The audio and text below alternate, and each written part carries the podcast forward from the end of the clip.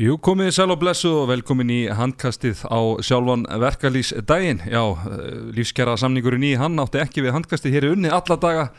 Það skiptir engum máli hvort það sé skýrtaður annar í páskum. Sumandagur fyrst eða verkalýsdægurinn, við erum alltaf mættir. Það er Ponsan sem er með ykkur og með mér eh, sérfræðingurinn sjálfur og góðu gestur eh, aðstofþjálfari F-áinga Áspjörn Friðriksson. Velkomin drengir og sérstaklega þú ási. Takk að kjalla fyrir Takk Mjög svo Klukkan- góði dagur, sól úti og svona. Já. Klukkan að skriði átta. Já, á mótni, Já, mitt. vaknaði fyrir sjö. Og uh, hérna við erum með að sjálfsögðu bóði BK og kjúklings. Á sig þú ert alltaf í hörku standi þannig að þú ert vantalega að vinna þá mest með salati eða, eða, eða bringuna á, á BK Já, það er best, hálfi kjúklingur er enda góði líka. Já, Svo er hérna, það er alltaf að bjóða upp á pasta st- fyrir leiki og var í hérna, Akur og Káa, það var helviti gott það þeir hafa bara sko gert það í bara sko einhverja tugi ára. Já, en það er Akureyri. breytir ekki því sem gott er sko. Nei, nei, hann er að Það er gera, óþarfi. er að gera frábæra hluti. Krakkarnir í, í BK og sérfæðingu þú fórstu eitthvað í vikunni? uh, Nei, ég fór ekkert í vikunni. Ég er náttúrulega, hvað, er ekki þriðdagur þetta eða miðdagur? Vikundagur Já, uh, ég er búin að vera lítill í mér þessa vikuna. Ég kíkti með gríslingin á mánundin og ég, ég er bara komin í Tex-Maxi það er Fór hún í, í barnabáksið Já, já, en salat í staði fyrir franskar. Það er, það harka. Já, sem er líka að koma. Það er laugrétt Laugrétt eh, er eitthvað ekki Það er svo sem nógum að Nógum að fara yfir hérna. Eh, Nóg að fara yfir í þessum þætti Og, og eh, kannski byrja Árum við förum í, í strákuna Byrja á að klára Að fara yfir stelpunar En, en uh, Íslandsmóti það kláraðist núna. Hvenær var það? Á laug Sundaginn já. Þar sem að uh, valskonur þær voru með sópin á lofti og sópuðu frömmurum úr leik 3-0 Gusti Jó þrjafaldi Gusti Tónik eða ekki, varst ekki að tala um það? Já, er ekki? og hann, framsóknarmæðurinn Hárprúði, hann, hann náði að sigla þremu titlum í orguhöllina í vetur, virkilega vel gert hjá þeim. Uh, leikurinn fór 25-21 fyrir valskonur þar sem að uh, Morgan Mari Sandra Erlings og Lóisa Tomsóður markaðist með fjögumörk, Íris Björk með 16 skot var inn í markinu Ragnar Júlistóttir og Karin Knústóttir markaðist þar hjá fram og Erlar og Seymastóttir með 10 skot var inn í uh, markinu uh, Strákar þetta var bara taktísku sigur hjá, hjá Gústa en, en hann var svona kannski tæpari en, en uh, svona stemdi í hálfleikallána Já, það var kom hann að kapli í setnáleika sem að allt gekk hjá, hjá framleiðinu og það að minka munin í ég man nú ekki alveg, jú, eitt mark. 22-21, það er 5 minútur eftir. En þá koma bara sko, þrjú síðastu mörkin er, er valstelpna og, og það er klára þetta. Íris ver þarna víti og ver hraðaplaup og, og, og klárar þetta og er bara eðlilega valinn MEP þessar úrslutakefni og, bara fyrst ég byrjar að tala um hana bara það er fokkin unun að horfa á hana að spila og bara ég mælu með að fólk með fullir verðing fyrir Írisi sem hérna náttúrulega hafði ekki spilað handbolta í, í, í tvö ár þegar hún skrifa undir í sumar en bara finnið mynd af henni þegar hún skrifar undir eða bara í byrjun tíabils og finnið sér mynd af henni núna. Formið sem hún er komin í en núna er bara bilað.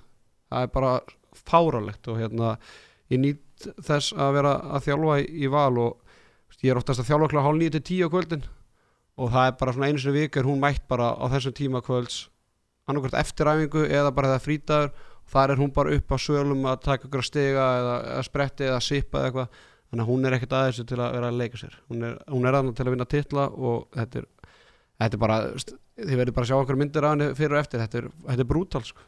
mm Þetta er góða punktur En hún hérna var góð í byrjun vetra En hún endaði þetta tímabil gjössalega frábælega Já, ég menna, það tók hana svona það tók hana smá tíma að koma inn og, en veist, það sem vekur líka aðteklega er að þær eru með þýska markmann sem var bara fjandi góði fyrir að Chantal Pagel og ég held að hún hafi ekki náð klukkutíma spilmínúti í, í vetur. Þannig að Gústi greinilega ætlaði að saxa á Írisi og ætlaði bara að fá hana til að toppa á þessum tíma. Og hérna bara sem betur fyrir gekk það því að eins og ég segi, ef hún hefði klikkað okkur í auga stundu þá var Chantal ekkert í neinu leikformi á, á bekknum. Þannig að það var greinilegt og ég menna þetta er bara, þetta er sigurvegari og það er eitthvað tölfræða sem sýnir hversu marga titla hún hefur unni og hvað þá með önnu úrsölu og, og þetta teimi það er erfitt að, brjótast í kemna þetta lið og, það sýnist bara á, á tölfræðinni. Var þetta ekki eitthvað hva, sjö síðustu átta skiptum eða síðustu sjö skipti sem hún hefur bara verið að spila þá hún Íslandsmyndstari Já, það er er, eitthvað svona eitthvað fáraleg það er tölfræði sko. þrægilegilegt og ég minna bara valur bara þrefaldi meistarar og ég meina framararnir fóru nokkuð auðveldlega í gegnum þetta í fyrra í úsleikemni í fyrra Mhm.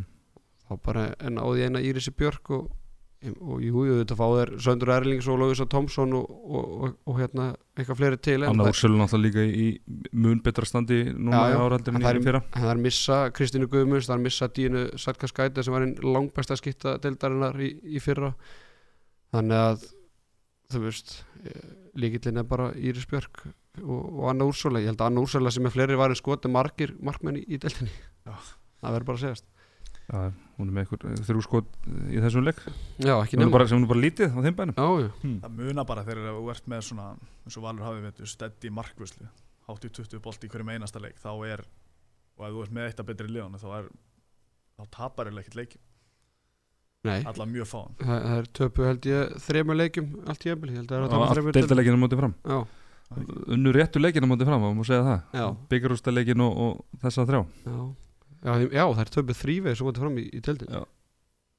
Það er rétt. Samfarandi tvisar Já, Já, svo er náttúrulega þriði leikur sem var kannski smá, það skiptir ekki máli en, já. en það sama bara virkilega, virkilega velgert en uh, hvað svona þú veist, af hverju var valur, hvað voru það að gera betur en, en, en framkvöðunar ég finnst, að tala fyrir mig að búin að sjá nokkra leiki með maður að spila frábæra vörn Mm. með góða markmann og svo er það agaða sóknarlega. Þetta er, er, er góð góð uppskrift þegar þú ætlar að vinna hérna titla. Og mér fannst það svona að náðu klára þetta einvið þannig að þeir ná að jafnina leikan í leik 2 kláraði framlengingu. Þá hérna þá sá maður ekki fyrir sér að framar myndi koma tilbaka og vinna þriðarleikin þá held maður að þetta væri, væri komið. Að maður sá svona einmitt á framörunum og maður skinja það að það var svona þeirra senst til að komast inn í þetta því að eins og við náttúrulega rættum líka hérna fyrir þetta einví að þá náttúrulega kannski eins og fyrir mitt leiti að, að stöð fyrir stöð og er þetta kannski ekkit ósveipu lið að getu nema einmitt markma, markmanna staðan og, og náttúrulega Íris bara tölvöld betri markmaður en, en Erla og, en í þeim leik þá náði Erla að mattsana í vörslu og það dugði ekki til og þá einhvern veginn það hefur verið svona örgulega ákveði vonleysi sem hefur fyllt, hérna framstólkunar eftir það. Já, og hérna þær fengu líka bara meira framlag frá leikmönnum eins og Söndra Erlings sem bara er með eitthvað rúmlega fimmörka meðatæðu þetta skora eitthvað vítum og það vist að skora úr þessu vítakostum en hún er líka að skora í opnum leik. Uh, Dýra Dögg hún hefur verið upp og ofan í, í vetur en hún svona var góð í, í fyrsta leiknum og, og er með hérna er bara veist, mikilvæg og heldur áfram með þessi þrjú til fjögur mörka með til í og leik. svo varnarlega líka. Já, og náttúrulega í vörðinu líka er hún bara fáránlega öflug og hérna góð í bakverðunum og, og hún er góð að svona, svona koma blindu já, koma blindurliðina og hérna það er, það er, það er ekki jafn auðvelt og, og menn halda. Maður þarf tímisett þetta hár rétt og það var náttúrulega það var engi leikmaður hjá Val sem var eitthvað bara way off eins og við ekki að tala bara um Ragnar Júlistóttur eða? Jú. Þú hún síndi ekki sitt rétt andlit í, í þessu einví Nei, hann var hérna góður, góður hlustandi sem tók saman tölfræði. Já. Þú með hann hjá þér eða? Ég farið yfir hann eða? uh, sjá, fyrst já, farðu bara yfir þetta. Já, hún var sem sagt bara, við fórum alltaf yfir, yfir þetta í, í, segjast þetta þar sem hún var með 6.20 í fyrsta leik. Það var á 1.15 í opnuleik síðan í næsta leik var með 6.21 í opnuleik og uh, 4.13 í lokaleiknum. Samtals úr opnuleik og vítum í úslitaðiðinu erum með 20 mörg úr 60 skotum, þar af 9 úr vítum. Með 9 mörg úr 11 skotur úr vítum. 11 mörg úr 49 skoti í opnuleik og uh, hún alltaf sagði það í viðtali eftir leika hún hafði ekki sínt sitt rétta andlit mm -hmm. sem er kannski bara hár rétt og, og hérna og ég meina fram fer ekki gegnum val með röggu júl eins ískald og, og, raun bara veitni Nei, mér fannst samt ofta tíðum að hann getur gest í íþróttum og þú sett frábær leikmaður og þú bara misti, missi sjálfströst og ert off og, bara off the pace einhvern veginn en mér fannst samt Stefán ekki alveg bregðast rétt við og finna réttið lausna því að þrátt fyrir þetta hún var augljóslega ekki að finna sig þá fannst mér einhvern veginn nánast öll kerfi samt framar einhvern veginn snúa að því að koma henni í skotfæri. Þrátt fyrir að hún væri algjörlega bara rúin sjálfstörsti og var brengað henni að finna sig. Þannig að það hefði kannski, vant, eins og hún vantaði eitthvað plan B þarna. Hún er bara þannig leikmaður og hefur bara verið þannig bara síðan hún var 13 ára og spilaði sem fyrsta mestarhansleik að veist, henni, henni og framliðið er alveg skýt sama um skotendingunar hún á bara alltaf að skjóta. Mhm. skilur að, að veist að það er við töluðum um það í fyrsta eða í sérista þetta að við erum ánæði með hann hún heldur áfram að skjóta skjóta. Veist, margir leikmenn og hvað þá stelpur myndu bara fara inn í skilina sem er bara eðlilegt. En hún heldur áfram og, og, og, og hérna, það bara gekk ekki núna en meina, ég bjóst alveg við því að hún myndi bara detta okkur leik lífsins í, í leiknum 2 þráttu að vera 1-15 í leik 1 en þetta bara gekk ekki og þetta er fúlt að þessi þrý leikir í röð í úrstildæðin við sem, sem allt fyrir fjandans en svona hefur bara leikur fram og, og, og Ragnar Júlistundu verið bara undanfara ár. Og hérna, við erum eins óeðlilegt að svona það- nýtingu sko. það er, Já, ég segi eins óeðlegt að það hljómar þá þetta bara hefur þetta verið svona fram og margi bíkal leikir það sem hún er með eitthvað 20 skot og, og svo er bara spurningamarki hversu mörg, mörg hún skorar. Mm. Þetta er náttúrulega sko, hrós á vörnina og markvösluna hjá Val á móti henni af því að þær gerði þetta vel á móti henni. Spiluðu frábæran varnarleik og hérna, eru með góða háar fóru vel út í hana þannig að hún var að skjóta mikið undir pressu mm. eða vel utan að velli. Og, og eins og segja, þegar hún missi sjálfströsti og hún heldur áfram þá ertu hún að brjóta ennþá meira undan sjálfströstinu allavega í þessu tilviki sko, því hún komst aldrei á eitthvað á eitthvað flug með nokkuð mörki röð sem hún hefði þurft. Þá veit maður ekki hvernig þetta hefði farið. Eða þær hefur bara klárað leik 2 og farið leik 3 þá er kannski svona hefði orðið ákveðin léttir og hún náð sér aftur á streik margar spurningar í þessu. Það er líka svo bara spurning hvort að leikur 2 ekki bara fara með þetta.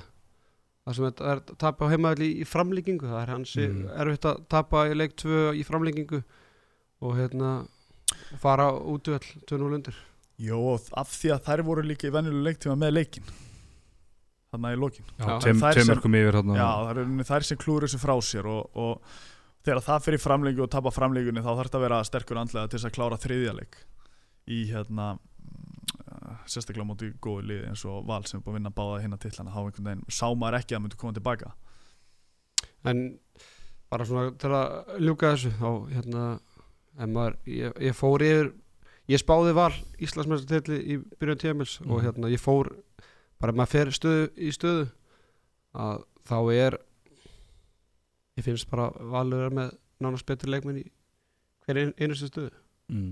Bara og sérstaklega hvernig þetta þróast. Mér að Ragnhildur Edda í vinstur hóttunum mér finnst hún bara vera honum betri leikmæður en Unnur Ómarsdóttir Unnur Ómarsdóttir er, er svona, hún er búin að egna spatn og er bara ekki jafn góð hún var hérna fyrir þrejum fjórum árum þegar hún var upp á sitt besta.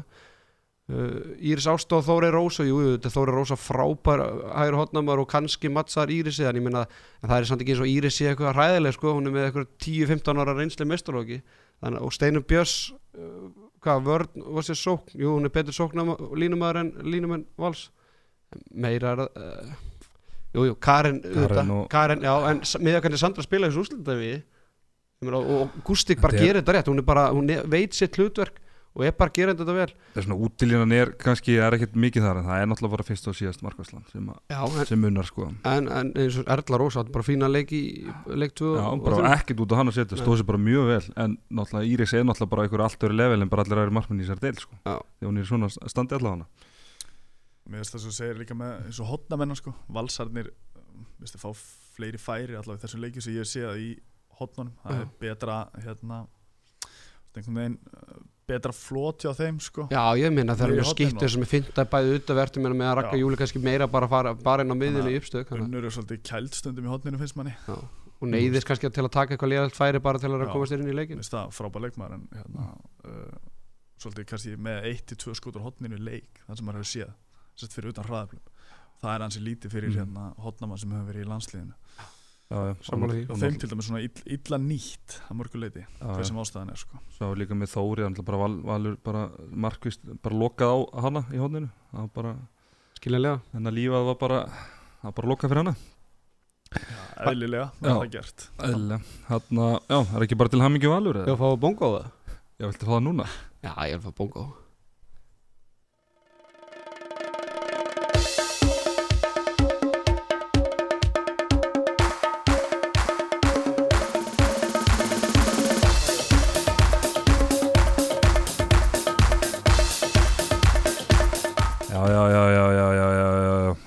bongo Bæðið til heiðus Íslandsmeisturum vals. Í ólistildi kvenna og líka svona ágætis svona brúin í næsta leik. Já, Selfoss og Valur, þar sem að Agnar Smári og, og Magnús Óli styrðu, styrðu bongosveitin á Baldri Bongo og félögum. En uh, þar, já, sáleikur endaði 35-34 fyrir Selfoss eftir uh, framlíkingu frábær leikur þar á ferð uh, Haukur Þrastarsson bara með eitthvað styrlasta leik sem eru séð. 13 mörg úr 16 skotum. Gunni Ingvarsson, Elvar Örn, Jónsson, Átni Steinn og Nökkvi Danalli með 5 mörg Sölvi með 10 skotvarn í markin og Pavel Kepulski 4, það er á meðal mikilvæg boltar hérna í framlíkingunni Hjá Val, Anton Rúnarsson markaðistur með 11 mörg, Robert Aron 6, Danli Fyrir Andrisson með 10 skotvarinn í markinu. Uh, Stráka, þetta var bara frábær handbóltalegur og svona svolítið sérstakur á mörguleiti. Já, mjög skemmtilega leikur og hérna hart tekist á og þetta er hérna vonandi það sem koma skal í þessu einví ég held að maður geti alveg búist við að þetta verði ekki eini leikur sem fer í framlengingu í þessu einví Komur á óvart á sig hvernig, hversu mikið hraði var í þessu leiki upphæðum. Maður vissi að selfisingandi myndu, myndu keiru hraðan. Mér er svona, maður svona hálft í hvori held að valsmenni myndu reyna kannski einhver litur en að hæja á tempónu en, en svona allan til að byrja með það þá voru þeir alveg að reyna að fá þessu auðvöldumörk líka og, og hvað var þetta, voru 5-5 bara eftir einhverja fjóra mínútur eða eitthvað? Valsarnir eru með góða setnibilgi og hraða miðju og hafa verið að keira mikið í vetur en hérna maður er kannski haldið að í fyrsta leik þegar þeir eru þú veist þunnir án magga og agga þeir hefur farið aðeins hérna myndu fara aðeins varfæriðnislega inn í leikin að ekki keira ja, mikið setnibilginu og hraðblum en þetta eru einföldu mörki sem þeir þurfa í þessu einví og ef mm. þeir eru náðu varnarleik og einföldu mörkum þá hérna þá verður þetta hörku einví Já, en, en það, var þetta samt ekki leikurinn til að keira? Búnaður í ágætis kvíld Þetta var leikurinn sem valið þurft að vinna. Allir í banni, fyrsti leikur Þeir verða að vinna einn á útvelli Það verður erfitt að vinna åtta leikarn á Selfossi. Og, og ég veit það að valsarðu voru múin að skoða Selfoss vel og Selfoss, þeir kerðu ekki mikið á móti ír.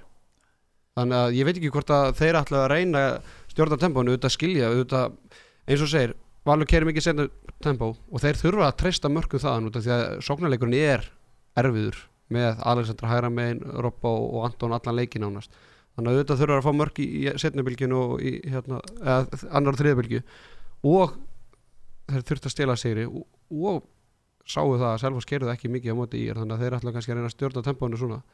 En, en Selfossikandi þeir ætla bara fylgdi kjölfarið og, og suruðum með, með hæl þannig að þetta var bara uh, þetta var þetta er tvöfald erfitt taf fyrir val held ég Jó, þetta er svona uh, af því að þeir leiða leikin það lengi þannig í setniháleik þeir fara þrjúmörk yfir í byrjun setniháleiks og svo Já. fara aftur fjögumörk yfir Mm -hmm. þannig og að missa það niður er uh, og svo í framlengu og tap í framlengunni er erfitt en þeir eru að næsta leik á heimaðalli og, og þeir eru eftir að svara fyrir það. En eins og segir, það er skynsalegt, þeir eru eftir að þurfa að keira vegna þess að sóknarleikurinn er erfiður. Og það er spurning hvað er, hvað er geta keirt ef þetta fyrir fimm leiki stanslust alla leikina? Já, ég meina- það. það er ekki oft sem að Valur fær á sig 30 mörg í vennileg leiktíma. Ég held Já, að það er bara gerst eins og tvisar í, í vetur þannig að auðvitað, og, og Snorri talaði um það líka í viðtalið til leika grautfúlt að, að 30 mörg dugi ekki á á en það var náttúrulega bara eitt leikmaður í liðið Selfoss sem var gjörsamlega óstöðandi. Já, svona þegar að líða fór á leikina þetta var bara eitthvað síning ég menna Átni Steinn og svolítið að draga vagnin í, í byrjun. Og Elvar svona Elvar sömulegis og haukur jú og tippi líka. En svo bara þegar að leiða á leikina að bara, þetta var bara síning ég meina, ma maður sá það bara á, á hauki í, í því móti sem hann var komin í að hann hefði getað spilað hann að leik í svona þrjá klukktími bútt og hann hefði haldið sama dampi á hann hann var bara komin í eitthvað bara motion þar sem að það var allt óstöðandi sko. það var bara, þetta var gjössalega, eða veist, ég hef síðan í, svona, í, í þessu og ég hugsaði bara, það er enginn að að stoppa hann sko.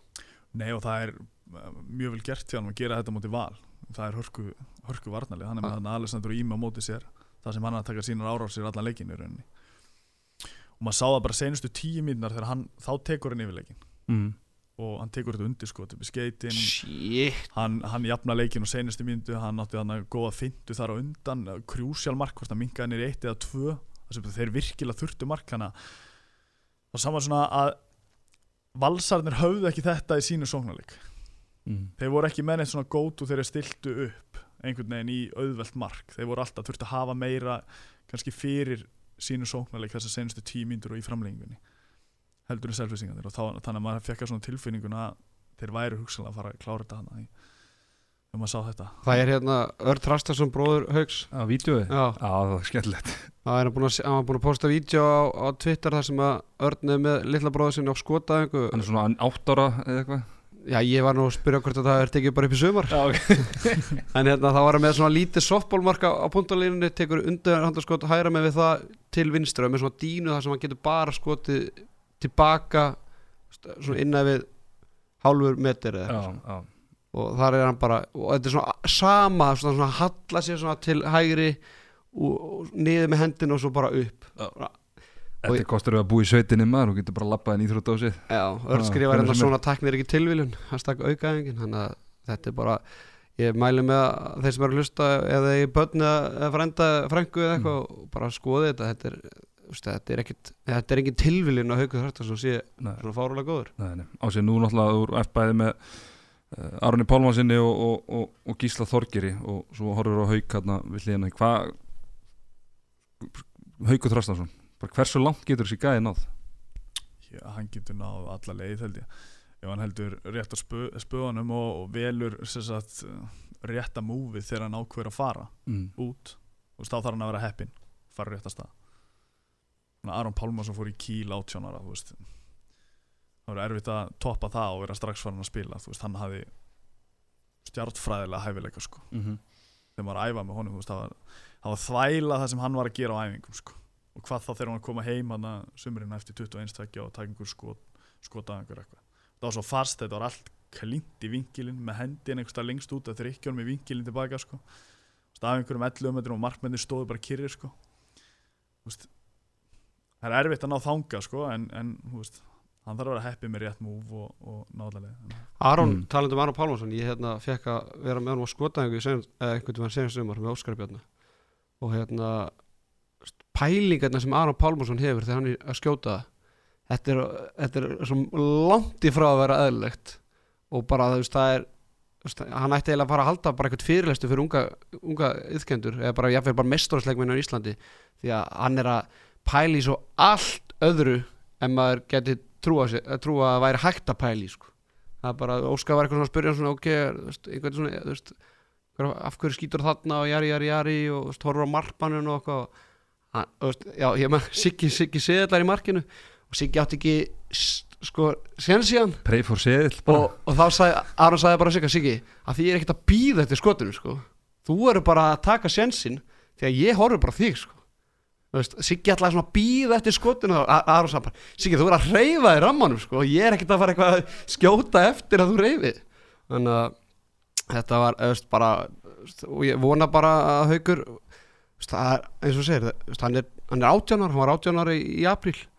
Og hérna en vonandi, hann er alltaf Aron Pálmarsson fyrirlið landslýsins þegar Gauja er ekki og ég trúi því að að Aron er tilbúin að hjálpa Hauki greiðlega mikið og það er og bara eftir að hjálpa honum. Því að þetta er, þú ert komið svo langt eins og Aron er komið þá er þetta ekki nóg bara að vera með eitthvað svaka skottakni því að ef þú ætlar alltaf að taka sama skoti þá er markmæðið bara mættur ánga í annarkvært skipti. Það þannig að var þetta líka bara hausinn og svona, svona þessi stráku virka svona á mann eins og sé mjög hilst eftir og svona með kollin rétt skrúan á sko. Já, já, en þannig sem svona uh, svona eigur trúna hjá manni að hann geti náð bara alla leiði, svo ég segi sko.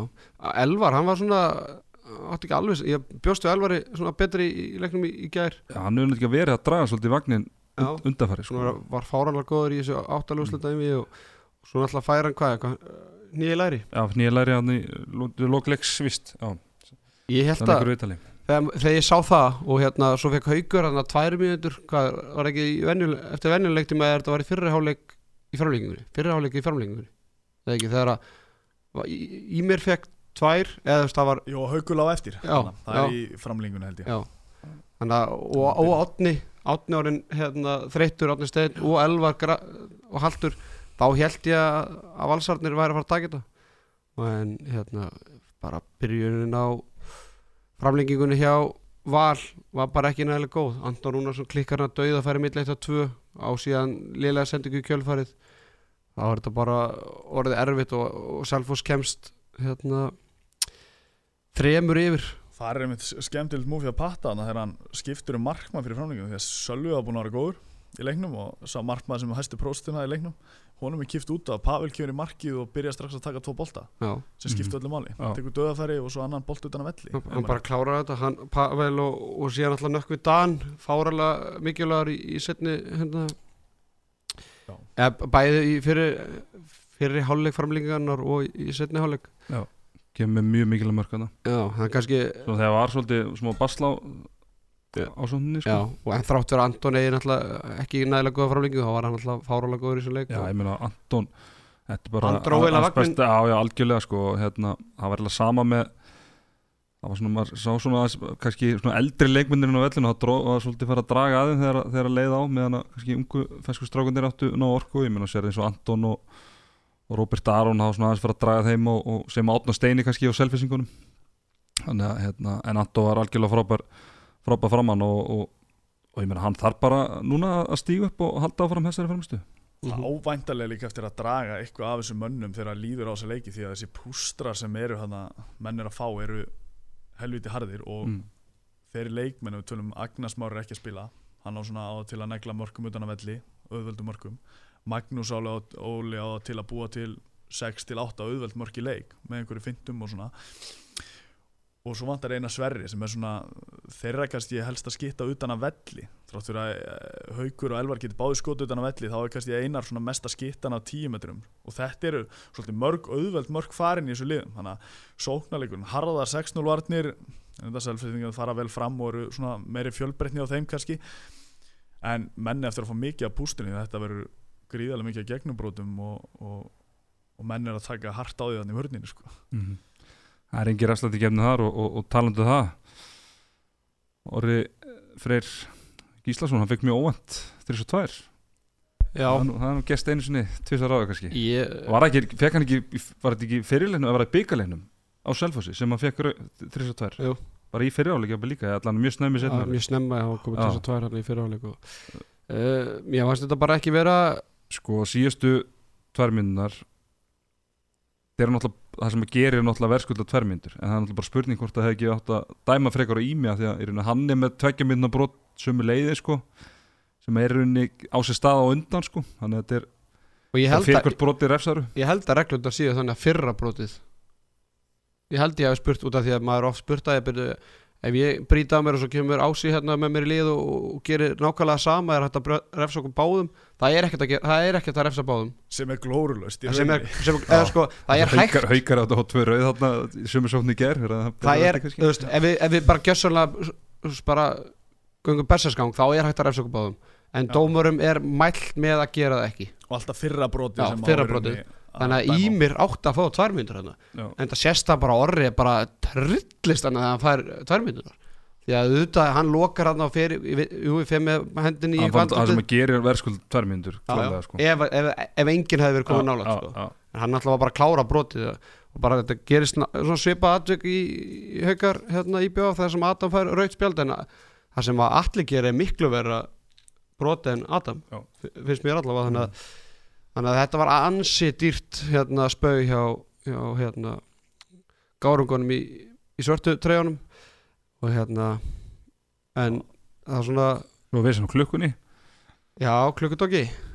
Klukkutóki yfir maður klukkumála það var þetta rítar í ger en já, með shades. Það var með glæsilega með sólgleru eitthvað harðasta lúk sem ég allan að sé á, á tímaðari og rítara en Þannig fannst það rauðaspjald dólti dýrt hjá Val sérstaklega það sem að vanta Magga sem er að taka bakvörun og spila vel Mm. hóta vel á móti og svona þetta Þannig sækja að- ansi djúft á bekkin til að Já, þá ertu fann að þurfa að spila Alexander í hérna, þú vilt spila Alexander í bakverið í eitthvað á þessu leikjum og, og vera þá með eins og sás bara, þeir þurfa að setja hana Þorgir Já. sem, sem já, heldur Alessandr bara í bakverð á, á, á Hauk og Elvar í rauninni Já, Já. eðlilega Já. gerðu það, var meiri ók þeim, þeim megin heldur en hinum megin, sérstaklega er að líða tóka leikinn mm. og það hefði verið gott að hafa orra hann inn á, hann munaði val miklu og spurning hvort að þeir hefði ekki náða að klára hann að leik með Mm. orra inn á og hann alltaf einhver kann að spila með 22 á bakinu þá er það orðið sko alltaf bara eiginlega byrjar allar leikið með 22 þannig að já, þetta, það munaði um þetta alveg, alveg klála Það er tveir búndar kannski Já. uh, var mikið rætt þetta aukakast var valið í lokin Úff. Þetta var Ási, hvað er svona Hvernig leiðir er þú sást skiptinguna og þegar Danni tekin út á og Berit Gunnar Óskarsson fættur á 2002 og takk þetta aukakast ekki búin að spila sekund í þessu leik Já, ég veit ekki alveg um- ég- Danni er fínn að kasta sko mátti hann ekki- Já, ég var eðst ég, Það er það bara, hvað hefði þú í þessu? ég hefði tekið markmann út af Mm. en ég hef kannski ekki látið Benna taka þetta en, en ég skrifið þetta alfæra á hvar voru leikmenni sem voru átt á boltan þeir voru ykkur 5-6 metur frá og ég meina þá má, má náttúrulega varta maður Selfoss vera bara í andlitunum skilu, staðið verið bara inn með þrjá metrar frá bara með, við lætum bara Róbert á boltan eða Svein Aron sem getur driplað völlin bara þrjá metrar frá, bara stutt sending svo hann bara driplað svo er það 7 og 6 og, því að það er, þetta er 8 sekundur, ég tók nú tíman í gerðkvöldi bara að leika með hérna bara, ef við bara þegjum með 8 sekundur það er það ágætist tími sko. Mm. þannig Þú að er nú ég, aldrei það í 8 sekundur nei, er það. En ég hefði, ég skil að Danni á tekin út af, þegar- þetta er 8 sekundur og ég meina að Danni er ekki að vera að keira upp í sóknina. Þannig að einstu sending svo bara keira allir upp. Danni er þetta að segja sóknarmann líka. Já, reyndar með verið verið að vera, sko, Gammal, línum Nei, að maður skilur vel hann hafa að taka en, en það er spurning hvort hann að vera nær af því að þetta er einmitt 8 sekundur Mm. uh, Láti ykkur góðan hafa boltan sem einhver sem er örugur á boltan ég myndi að Svein Aron fá boltan Já, ég hef jafnvel látið robba með svona skriðþungi á honum sko. Já, ég held Látið Svein Aron hlaupa sér frían eða eitthvað. Já, já. uh, á þess að vita nákvæmlega hvernig eru í þessari stöð en, en Robert, einhvern sem er með eitthvað trukk í sig sem getur boltanum driplast það, af því að það má ekki brjóta harkala hana, Nei. ef það er brotið harkala þá er það bara, Það er bara tvegg, tveggja minn á fens, það er bara víti og raukt Svo var ágætispunktur hefði við ekki látið Áskir Snæ koma inn og tekja með þetta mann? Skilur mig? Það er bara, bara það að setja uh, hérna, 16-17 ára strákina sem er ekki búin að spila sekund í þessu leik og láta hann taka þessa sendingu og náttúrulega þessi sendingu er náttúrulega bara hörmung sko. hann sést, sést vel í, í kamerunu sem er hann upp í, upp í rjári hann bak við marki já maður hefði skilið þetta betur hefði verið sko þrjár, fjóra segundur eftir já, að þú hefur verið að taka eina sendingu og þá hefur látið tóna taka þetta eða, eða bara Já, danna Eða Danna. danna Já. einhvern Mm. en að þér átta segundur þá hefur viljað hafa nær láta hann koma ferðinni og robba einhvern innan þessa þryggja metra Já. og hann er þá í rauninni alltaf komin hálfu skrifi frá varnamannum sínum Já. sem þarf að vera eldan eða býða eftir honum og er- og helviti erfitt að dekka hann og það mátt valla brjóta eitthvað alveglega út af því að það ef mátt þú- ekki brjóta alvarlega Nei. þannig að ef hann tekur hann niður að stígu fyrir hann þú veist, það, er- það er orðið mattsatri og það er ennþá 6-7 segundur eftir sko. þannig að þú veist, 8 sekundir þetta bara þú getur tekið kæ- þú tekur- getur tekið kæra á 8 sekundur sko. mm. svo er, svo er heldi helviti vel að tala um þetta hérna já. já, En, en ég veit En það ég bara Snorri Steinn hefur bullandi trú á Benna og hann lítur Já. ekkert á Benna sem ekkert 16 ára gutt eitthvað sem hefur ekki spila, nei. hann bara hefur En- bara bullandi trú á hann sko, en ég meina og ef hann hefði búin að vera að koma inn á skilur, og verið veri eitthvað þáttangandi í leiknum fram með þessu tímupóti, þú veist, þá hefði alveg skilið þetta sko. já, það var bæði, bæði, þetta er einsöldu strákur skilur, ég menn hann er bara 16-17 ára þó hann verði kannski góður ekkert um að setna og þræða lefnilegur alltaf og er bara einhvern takti við leikin skilur, hann er ekki búin að kasta töðrinni þarna á þessu Já, tímapunkti í eitthvað klukkutíma eða þú veist bara síðan hann var að leika sér í hálfleik sko. já. en svo er spurning hvað er hafa ætlað að gera. Hvað, þú veist, hvað ætluðu þeir að Já, ég held bara að það hafi ekki verið eitt plan. Bara fá hann í leik verður þá ekki, einmitt, hefur ekki tíma til þú ert ekki með timeout og hefur eitthvað tíma til að setja þetta upp, ferður þá ekki eitthvað aðeins meira öryggi heldur en þetta þetta var náttúrulega bara ekkert þannig að, auðvitað, eftir, ég segi bara hvar voru leikmenni, mér Benni var að öskra og robba Robby var samt, ég horfði á þetta aftur Robby var samt að koma eins og gerði sér aðeins sýnir og sést líka vel á kamerunni. Hann var alveg, gæti alveg fengið þessu sendingu sko. Já, þetta er samt hættuleg sending. Eða skilu út með selfhæsingin bara í Já, hann koma upp og svo bakka hann aðeins frá honum aftur sko. en hérna erfitt að fá hann svona að fá hann kyrstaður út á velli og er þá, er, er mikla líkur að þeir ná einhverju að hremma þig að hægja á þér sko, í staðis að hérna, svo við tölum um að vera nær og, og koma ferðinni og, og þá opna völlina því ef Mm. þú fer halvveg fram með þínu er spurning hvað gerir sko. mm. en, en bara með aðeins betur sendingu og var Anton alltaf bara komið tværi sko Já. en var hann að búast að Anton myndi taka skrefi til liðar eða ég veit það ekki Anton stóð bara ekki að mér varst bara með Anton að holningi og Anton eins og Já. það var ekkert að leiðin að fara að gripa hann alltaf bolta sko. lítið eitthvað í kringu sig eitthvað þannig að, þannig að e, þetta var gröðfúlt en ég, maður, ég, veist, ég sá alveg að Benna, Benni var ekki tilbúin sko bara Nei, ég minna það er bara sko þrem sekundum ára á að taka þetta fríkast þá var hann bara í treyjunni það bara snorri Já. bara út treyjunni bara, en hérna, en svo kannski annað óheppilegt varandi dómarana þegar að, að það skipti yfir á dómarana þegar klukkan er biluð og, og það er Bjarki Bóasson að tala um eitthvað leikmann og tala um það hvað hann þetta er spennandi að fara í vítakefni og djöð væri til að fara í vítakefni og ja, það er eftir að skipta á Gunnar að skipta orð á Björka Já, ég, meina það bara skipta bara báða það er bara oft er dómarandi saman að, að tala og, og í næst sínustu sænstu sók selfinsik á dæmar að boltan af elvari og mig Já, Já. já, erum hann ekki bara grínast? Jó, jó, þetta er svona, þetta er yfirleitt svona menn eru bara svona kumpanleir og er oft í ykkur svona, maður hefur tekið svona spjall oft við dómara sko, ykkur, ykkur, Þeir eru ykkur, stressaðan eins og leikmenn og menn eitthvað svona aðeins að reyna ykkur Já, Já, þegar En- klukkan er í en einhverju þetta er svona svona þú ert með beina útsendingu í TV sko, þá er þetta kannski þetta er ekki Það heppilegt þetta er ekki heppilegt. Nei, Já. ég getur meina verð misskilist bara, faglugur sko. Já. ég meina, svo er hann eitthvað já bara við erum bara með eina framlíkingu og bara fara strax í vítu og það var svona diskutir líka bara reglurnar sko. Já, þú veist, ég veit ekki Já, hvort að Nei. dómar, formað dómarandi var eitthvað ánægð með að, að heyra þetta sko. Þetta er bara sem gengur og gerir svo sem alveg í, leikjunum en já, já, kannski með að menn passa sig aðeins bara þegar þeir eru Já, meina þetta hefði getað lítið illa út bara, segjum bara að hann hefði tekið eitthvað rosalega dóm í lokinu að þetta enda í vítu og það var bara óskans uppfyllt. Já, já þannig að, Það að er passaði bara hvað það segir sko, þetta fer alltaf á netið og, Mér finnst þér hafa passað sig ansi vel dómarinn eftir að fengu þetta hérna Já. headset á sig. Ekki það er að segja nema ykkur tóni sko, hann svona Fyrir karakter er að fyrir karakter. Já. Hann hefur sett alltaf, já, kannski fyrir svona smá talar aðeins öðruvísi þegar kameran er, það getur verið. Já, En hann hefur alltaf bara sagt manni hvernig hlutinir eru og eiga að vera, nákvæmlega. Það er ágætt. Það er bara gott. Já. mm. Er hvað er að fara að sjá? Hvernig er næsta leikur? Á daginn klukkan átta. Já, geðu ykkur tími geggjaði tími. Hvað er að fara að sjá þar? Gefið löng pása núna bara. Já, það er fyrir Það er það er í dag. Það er í dag. Íbjað hauka fór bara tóta sko. Já, ég sá það einmitt. Já, Nú er, ekki- er þetta ekki bæða föstudaginn? Nei. Klukkan 7-8 Fimmta- Íbjað haukar Ok. Já. En hvað er að fara að sjá? Já, líklega framlengingu myndi ég halda. Ekki jafn hátt skor en valsarnir er eftir að keira af mikið og, og, og selfistíkundir á móti að reyna að stjórna tempóinu. Ætla ef hann kemur áttur inn? Já, orri. Orri, Orri, já. Já, ég Ég var að vonast til að, að, að Valur veist, að þetta er leikur sem Valur þurft að stela á heima allir selvisinga Ég held að þetta verði erfitt núna og, og núna finnst mér Selfoss vera með Pálmaðan í, í höndunum. Fyrir ári síðan varu selfisingar í nákvæmlega svona reynda á móti okkur, þá unnu er fyrsta leik sem að við vorum búin að betri í einu allan leikin þá var með raut spjald hann í fyrsta leik. Ísli Þorgir er ekki? Gísli Þorgi fyrir raut og þeir vinna okkur í framlengu sem var bara frábælega gert við þeim.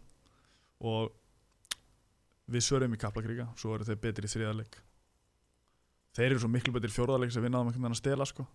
þannig að þú veist, þetta er bara fram og tilbaka. Ég held að auðvitað, uh, ef þetta höfður þeirra heimaleikur þá var ég kannski aðeins stressar að fara á Selfossin þú veist, þeir eru bara að fara á sinn heimaöll gengi vel, fá ekki mikið mörgum á sig á veist, ég held að uh, það sé svona enga bilbu á þeim að finna Það má ekki gleyma því líka að Selfoss er næstu því lið Íslands.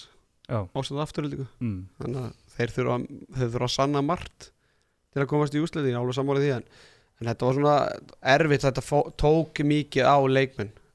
Það fari í framlíkingu allt sem við lögðu í þetta með ekki, ekki veist, á fáin leikmennum orri fær raut þannig að svona, það- má sama sem ás að segja um Selfoss. Það, það voru margjörðunni þreyttir í Selfossliðinu það var að fara að draga af hauki þrátt fyrir hann hafi skorað sér mörg, hann var koni ykkur són hann já, já. það var aðeins fara að draga hann var aðeins af elvari hann hann fann nýja þetta er eins og þegar ég er að hlaupa marathon á sömurinn Mm. kemst í ykkur són svona, Já. bara upp á 30. kilometr Já, Svo lendur á veggnum og svo kemstu svo daginn eftir er maður bara alveg búinn og, og hérna Nei, það er bara gott fyrir þetta einvið að fá tvo dag á milli og, og hérna, menn vera þá fá vonandi bara meiri gæði í föstasleikin heldur en að væri spilaður á morgun.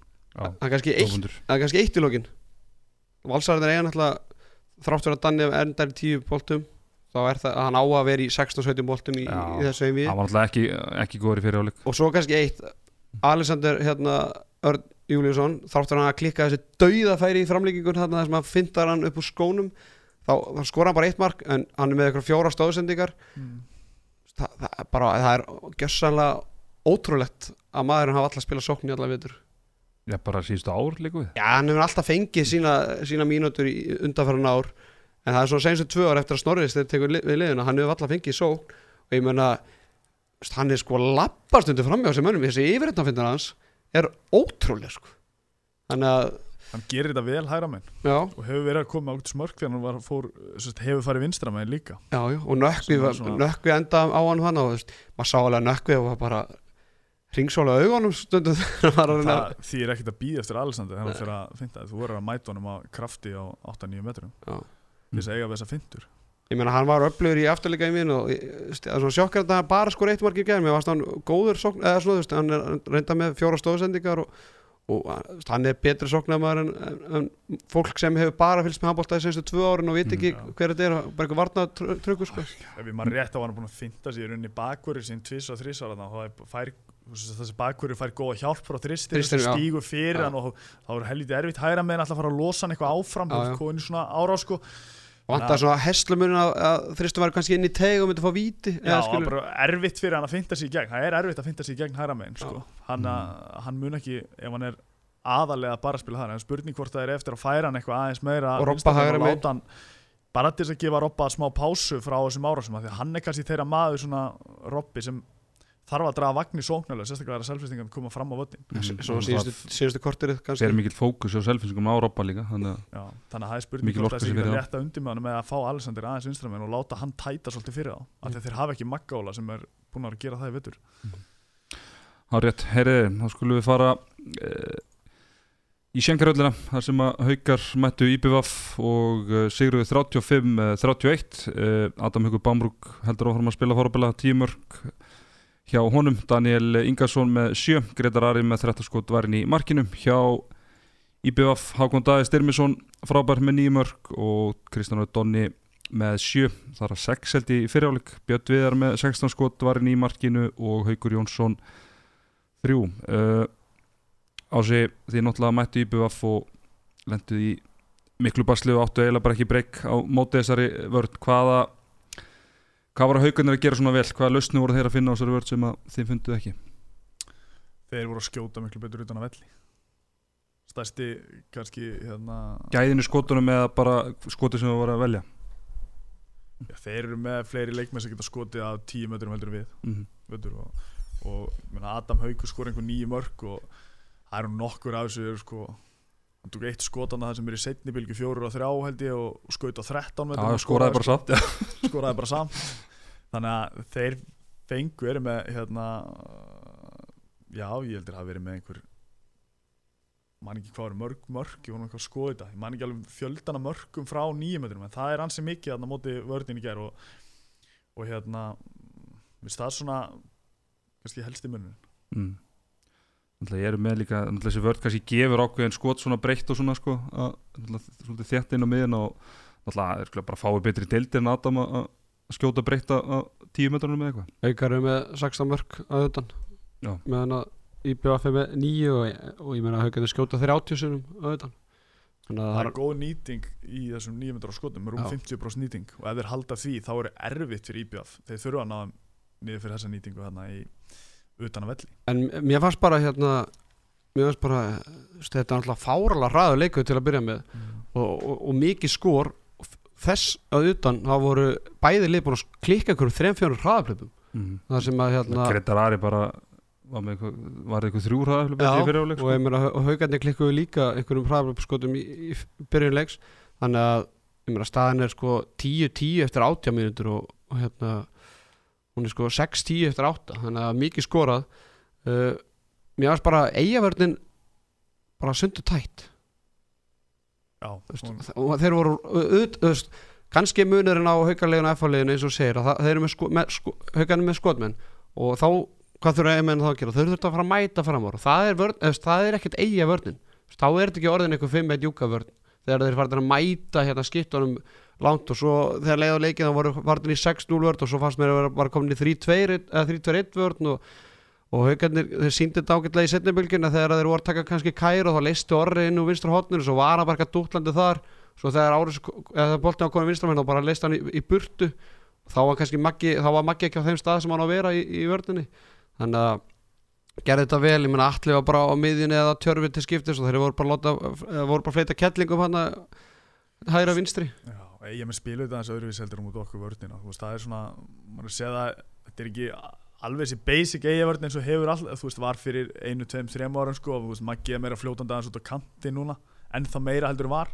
Já, loka sendingun á loka sendinguna og jafnvel 5-1 á kantinn og, og hóta miðjumann og svo var hann aðeins þú veist hérna Rótin, hann tók hann að hérna, prófaði bæði að fara vinstra með byrjar aðeins á miðin í gær og svo fer hann aðeins vinstra með það sem hann er að aðeins að já, gera þeim erfitt fyrir að koma boltanum út á vinstri vangin hann en þeir einhvern veginn höfðu alltaf lausnir og, og fengi alltaf mörk í hérna í rauninu lóksókna en mjög svona eh, kannski uh, sjens IPVF vera hann í stöðinni þá eru þeir 11-10 yfir held ég. Eitthvað svoleiðis í kringu það. Mm. þá eru þeir búin að fara með þrjú hraðuplöp mm. það er svona ef þú þarf að vinna haugan og útjöðli þá þart í úslakefni þá þarf til að setja hraðuplöpin og, og, og nýta svona þegar þú ert með momentum. Þarna hefur þeir átt að vera 2-3 mörgum yfir fannst mér. Var svona eini kablin leikni líka sem mannum fannst haugandi að vera svolítið óagaðir sóknarlega. Voru að, voru að reyna að tróða hann svolítið inn á línuna og, og, og náttúrulega Adam jú, þegar leið á leikin náttúrulega var þetta allt inni en þú veist, þá var hann ofta að taka ykkur taka ykkur skota af ykkur, þessum 12-13 metrum og, og kannski með fleiri menn með sér sko, þá náttúrulega fengu IBF þessi, þessi færi og eins og þú segir, náttúrulega verða bara að nýta þau til að manni fannst þá var Donni heitur Nú, og þeir voru að finna línuna og, og voru að spila vel sóknarleikin og fá sér hraðaplöp og þá fannst mann svona fannst manni momentum með þeim en einhvern Mm. veginn þrátt fyrir það voru haugarnir einu undir og voru alltaf að jafna leikin og jafnvel komast einu marki yfir Já. svo bara þegar haugarnir komast yfir aftur þá einhvern veginn svona rúluðu bara leikin út samfarrandi náttúrulega slöknu svolítið á Donna og bæði á Donna og Becka í, í setnáleik þannig að munar minna, náttúrulega Becki spila bara lítið sem ekkit í þannig svona setni hluta setnáleiks Já, bara til að fakta það sem Ási var að segja það er hárið eftir það í stöðunni 9-8 eh, frá 11 til 20. mínútu þá klikkaði ég menn þreymur hraðaplöpum og, og Kristján er skráðurinn með klikka á, á línunni. Já, var þá var Björnsárinn aðeins heitur í markinu vörni fannst mér vera farin að tikka og ef þú nýtir ekki þetta momentum þá svona kannski næri ekki taki á haugarleginu sko, eins og þeir hefði þurft að ná hana mm. Ég meina, djúfis ham bara sem Björns er dottin í. Með 16 var að bolta bara, ég, hann er búin að verja jafnmarga boltanum í þessu úsleikefninu, þessu þreymur leikjum. Bara eins og bara allt tjömbilið Þannig að verja svona mikið að döðverðum svona, mér fannst hann fullt af skotum sem hann átti að taka líka Já, já. En sérstaklega fyrir utan Svo sko. er bara spurning hvað á Björns að taka og hvað ekki Björns að Já, taka þetta voru bara skot sem voru bara ekkert sérstök skot uh, tíu metrum og bara beint á hann líka við sko, Mhm. en, en og ég held að hann alveg hann er samme hauk þegar hann kemur inn að alveg fullt af bolta sem þeir eru svekti með að hafa ekki tekið sko. svo vera hann að hrað eða svona döðafæri staðin sko Já, ég er að segja það sko, þau og það er oft gott að fá samt þessa þú veist, öðuldi bolta versus hérna, döðafærin þú, það er meiri líkur hraðaflöpi Já, og líka sko. oft líka döðafærin að hérna, það er svona meiri líkur að hérna, hitlið haldi boltanum, þetta er svona að fara í innkast eða já, það líka. Gabriel Martínsson, hann heldur upptegn og hætti bara með 100% nýtingu. Hann er ekki múin að klika skot í úrslættikjöfni Það er þræl eðlilegt. Hvað er komið í eitthvað, 13-13 eða eitthvað? Viss, Vissur hvað strákvæmt var fyrir yfir ykkar eða? Já, já, við vorum búin að spila mótónum hann eitt leikundi EM í, eða? í mars, já, já, við lærum það fyrir þann leik í rauninni Já. Patt, hérna Já, voru ekki hérna- að tala með setjabilginu gera Patti vissi ekki hvað- Þorgilsson, Þorgils, já, já. Hvað- ég, ég heyrði það sagði hann bara Nei, þe- hvað nei, hann sagði, ég heyrði þetta bara, ég, ég spottaði þetta bara þegar ég var að horfa á leikinn sko, hann sagði henni bara í Já, hérna, þú sækir á hann hérna, uh, unga hérna í vörninni, hérna, hvað heitir hann hérna? ég vissi það það er mjög eðlilegt það er ekki fyrsti þjálfari sem Nei, nei, lendir í því að þó að hann veit alveg, veit alveg hver þetta er og hvað hann getur og allt það er oft farið að videofundi þar sem þjálfarnir er er búin að stengleima nafnin á einhverjum sem er svona kannski níundu tíundu maður í himliðinu. Já, já, ég veit Þorgils Jón, hann er hann á hérna gærustu í valsliðinu. Hvernig liðinu? Nú, Lóðis Tomsson nú, nú, Já, það myndast að- mikil ást alltaf í, í valsheimilinu sko.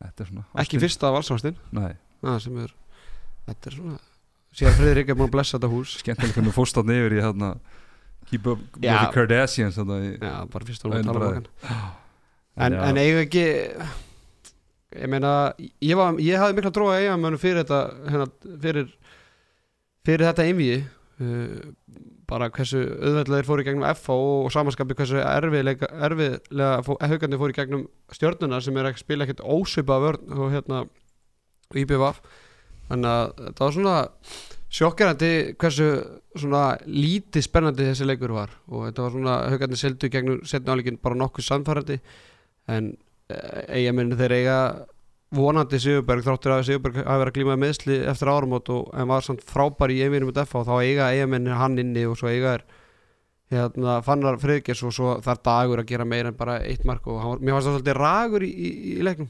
sérstaklega til, til að byrja með Já, skora eitt marka, það er hvað, þeir eru einhverjar það eru senstu tími índan Já, Já, það er leikur neila bara farin sko. Það var skjóta lítið fram að því. Já.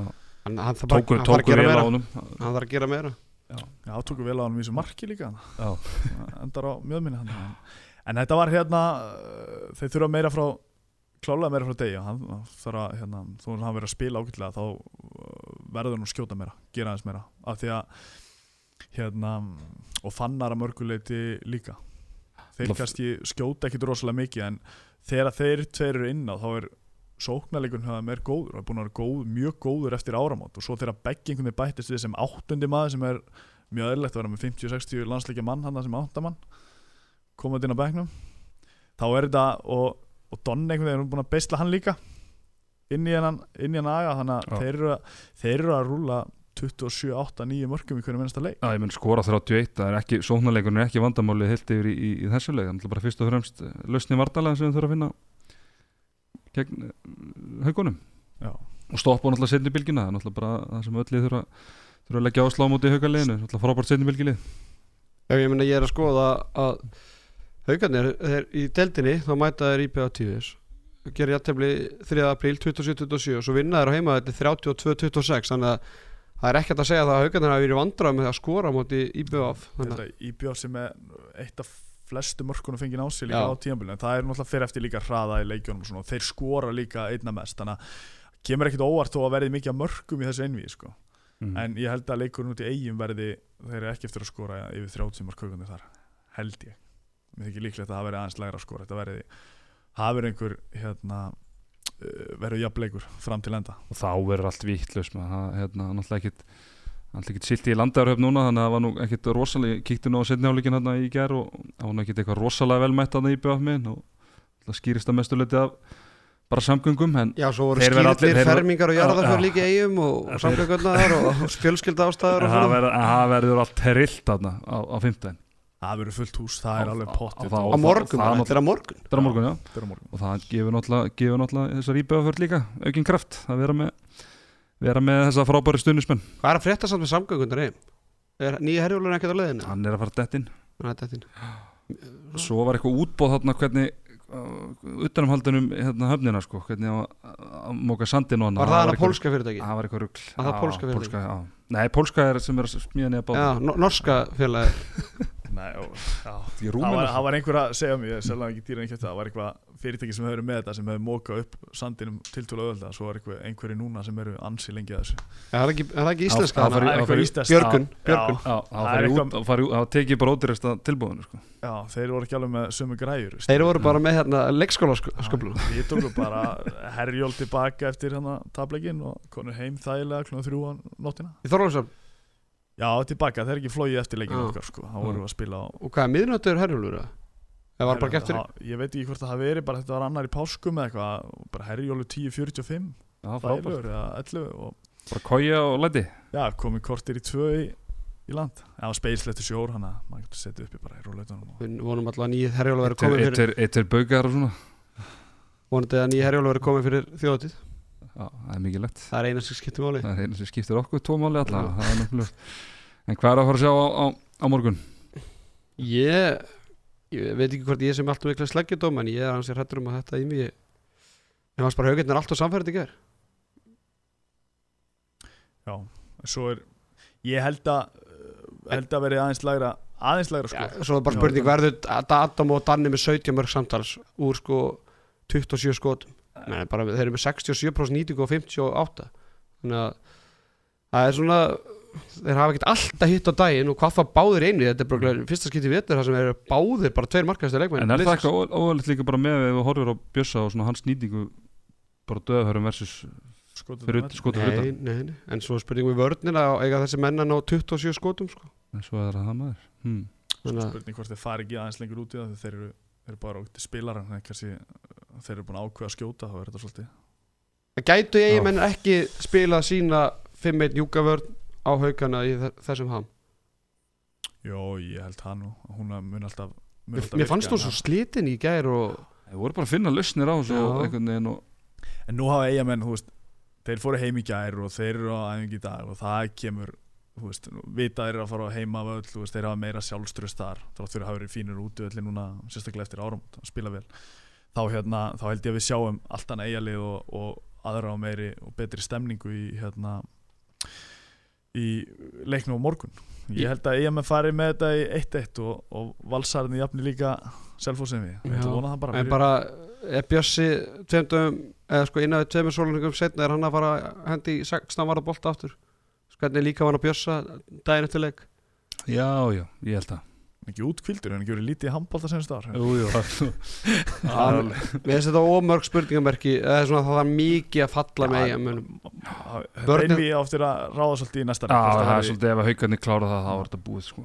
Ég er, ég er ansið hættur um það að þetta geti og farið. einsela með hinleikin ef Selfoss Já, mér finnst hinn- hitt einvið bara alltaf vera 50-50 þó að Selfoss kemst í 2-0 Já, auðvitað hljómar ekki þannig eða skilur með, en mér finnst meiri líkur að hitt einvið geti farið í 4-5 leiki þrátt fyrir að Selfoss komast í 2 núna Mm. heldur en að haukar í BFM farið í 4-5 Já, leiki ég er ef- alveg- ég er endur alveg sammálaðir þar sko. Það, En- það er bara tvö fáralega bliðum sem mattsa vel en þetta er svona geti maður má ekki gleyma því að IBF er bara búið í bullandi basli allt í ennbili fyrir utan núna senstu mánuðina þannig að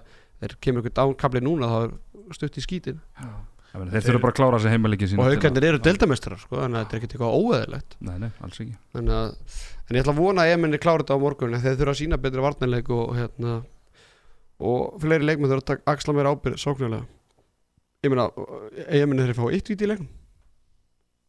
Það er, er óverlegt Já. Kári Kristján er held með svona 4-5 bara. Já, bara eitt sko. og Hákon oftast með eitthvað þrjú fjögur mörgur úr vítum, hann mm. far með átta mörgur eða sjö mörgur hotni í ger, eitt úr ræflum og eitt úr, úr vítið þannig Mm. Það er nýttið frábæla. Það er líkilatri að verji sest, að Bjössi, tekur 90 bolta hann verji uh, hérna, meira utan að velli þannig að fái auðvöld hraðuplöp eða þeir ná að blokka setja undir pressu utan að velli þannig að það komi fleiri hraðuplöp í leikin fyrir IBF og svo ef að það er lögð svona ofur áhersla á kára eins og er alveg, það er gert þeir eru oft tveir í kringum hann og svona þá verða strákanir að hann að dagur og fannar að, að skjóta vera að negla þessu gólskotum hann í kringu á það, Mhm. er alveg, það er alveg opið, maður sér það. Þeir eru góður að tegja vörninu sundur og svona þeir eru alveg geta bomba þeim, það er svona líki ladrið finnst mér fyrir fyrir IBF Ég held að það sé bara fín loka orðum um þennan leik. Eh, bara Veislan heldur áfram. Herru, erum ekki með eitthvað slúðumóla?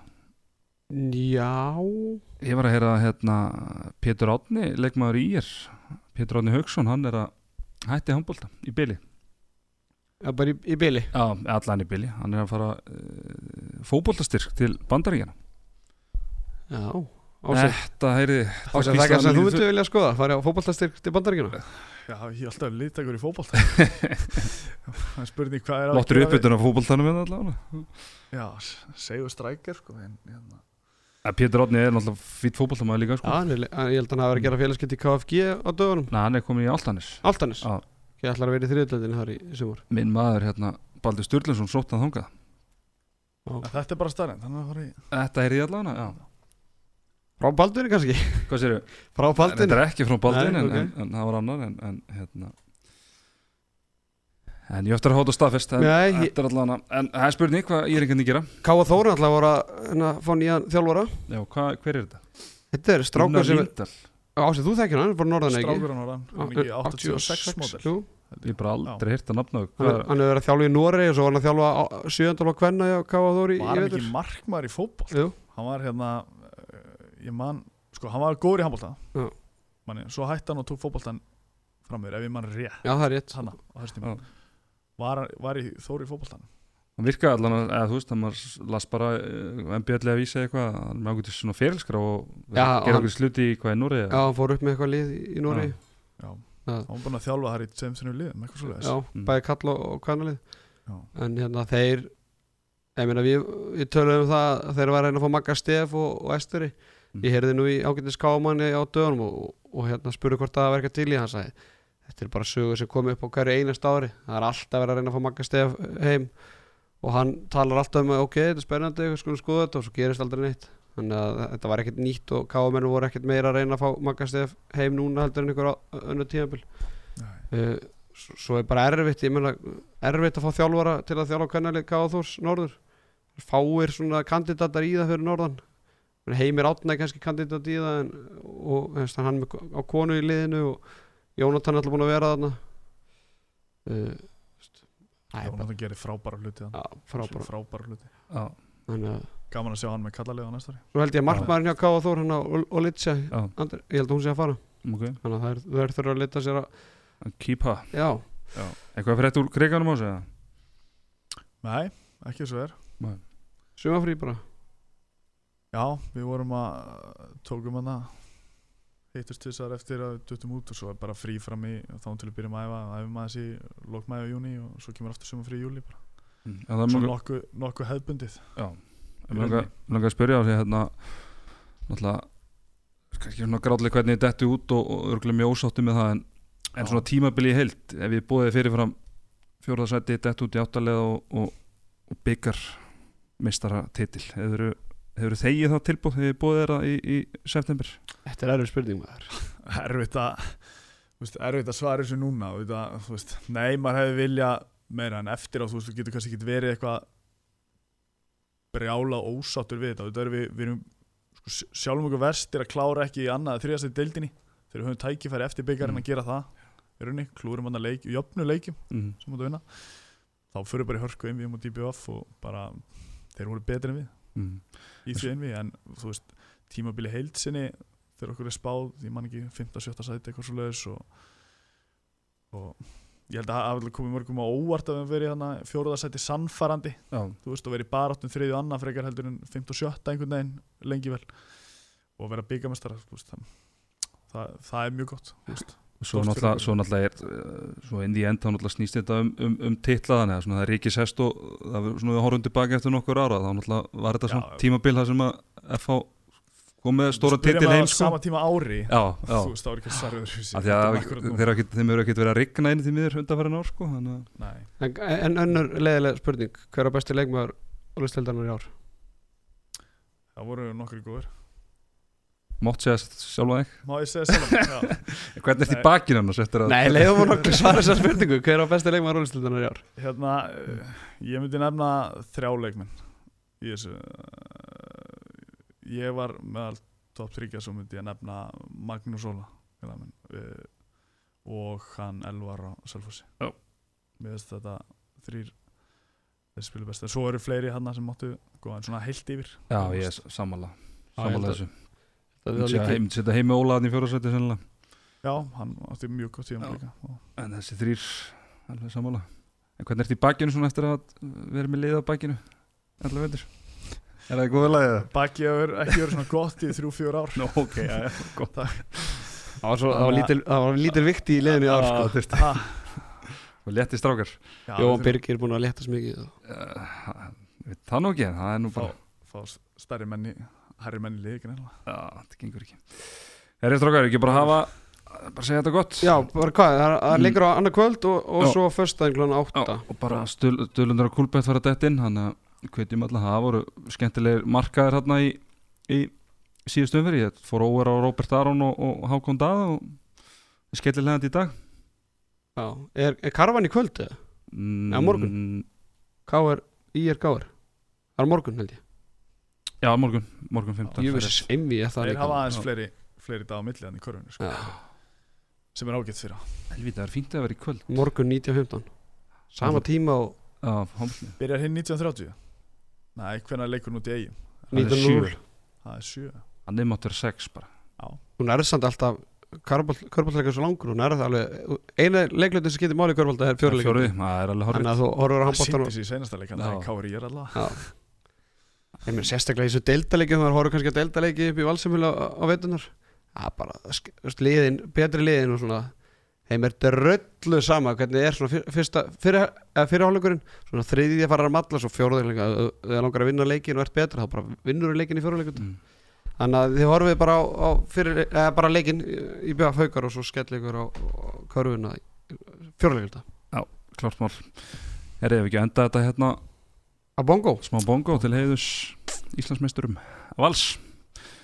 Erður Dráð, takk fyrir, við erum komin á Takk sem leðis Og hangast í takk fyrir sig, við sjáumst uh, síðar.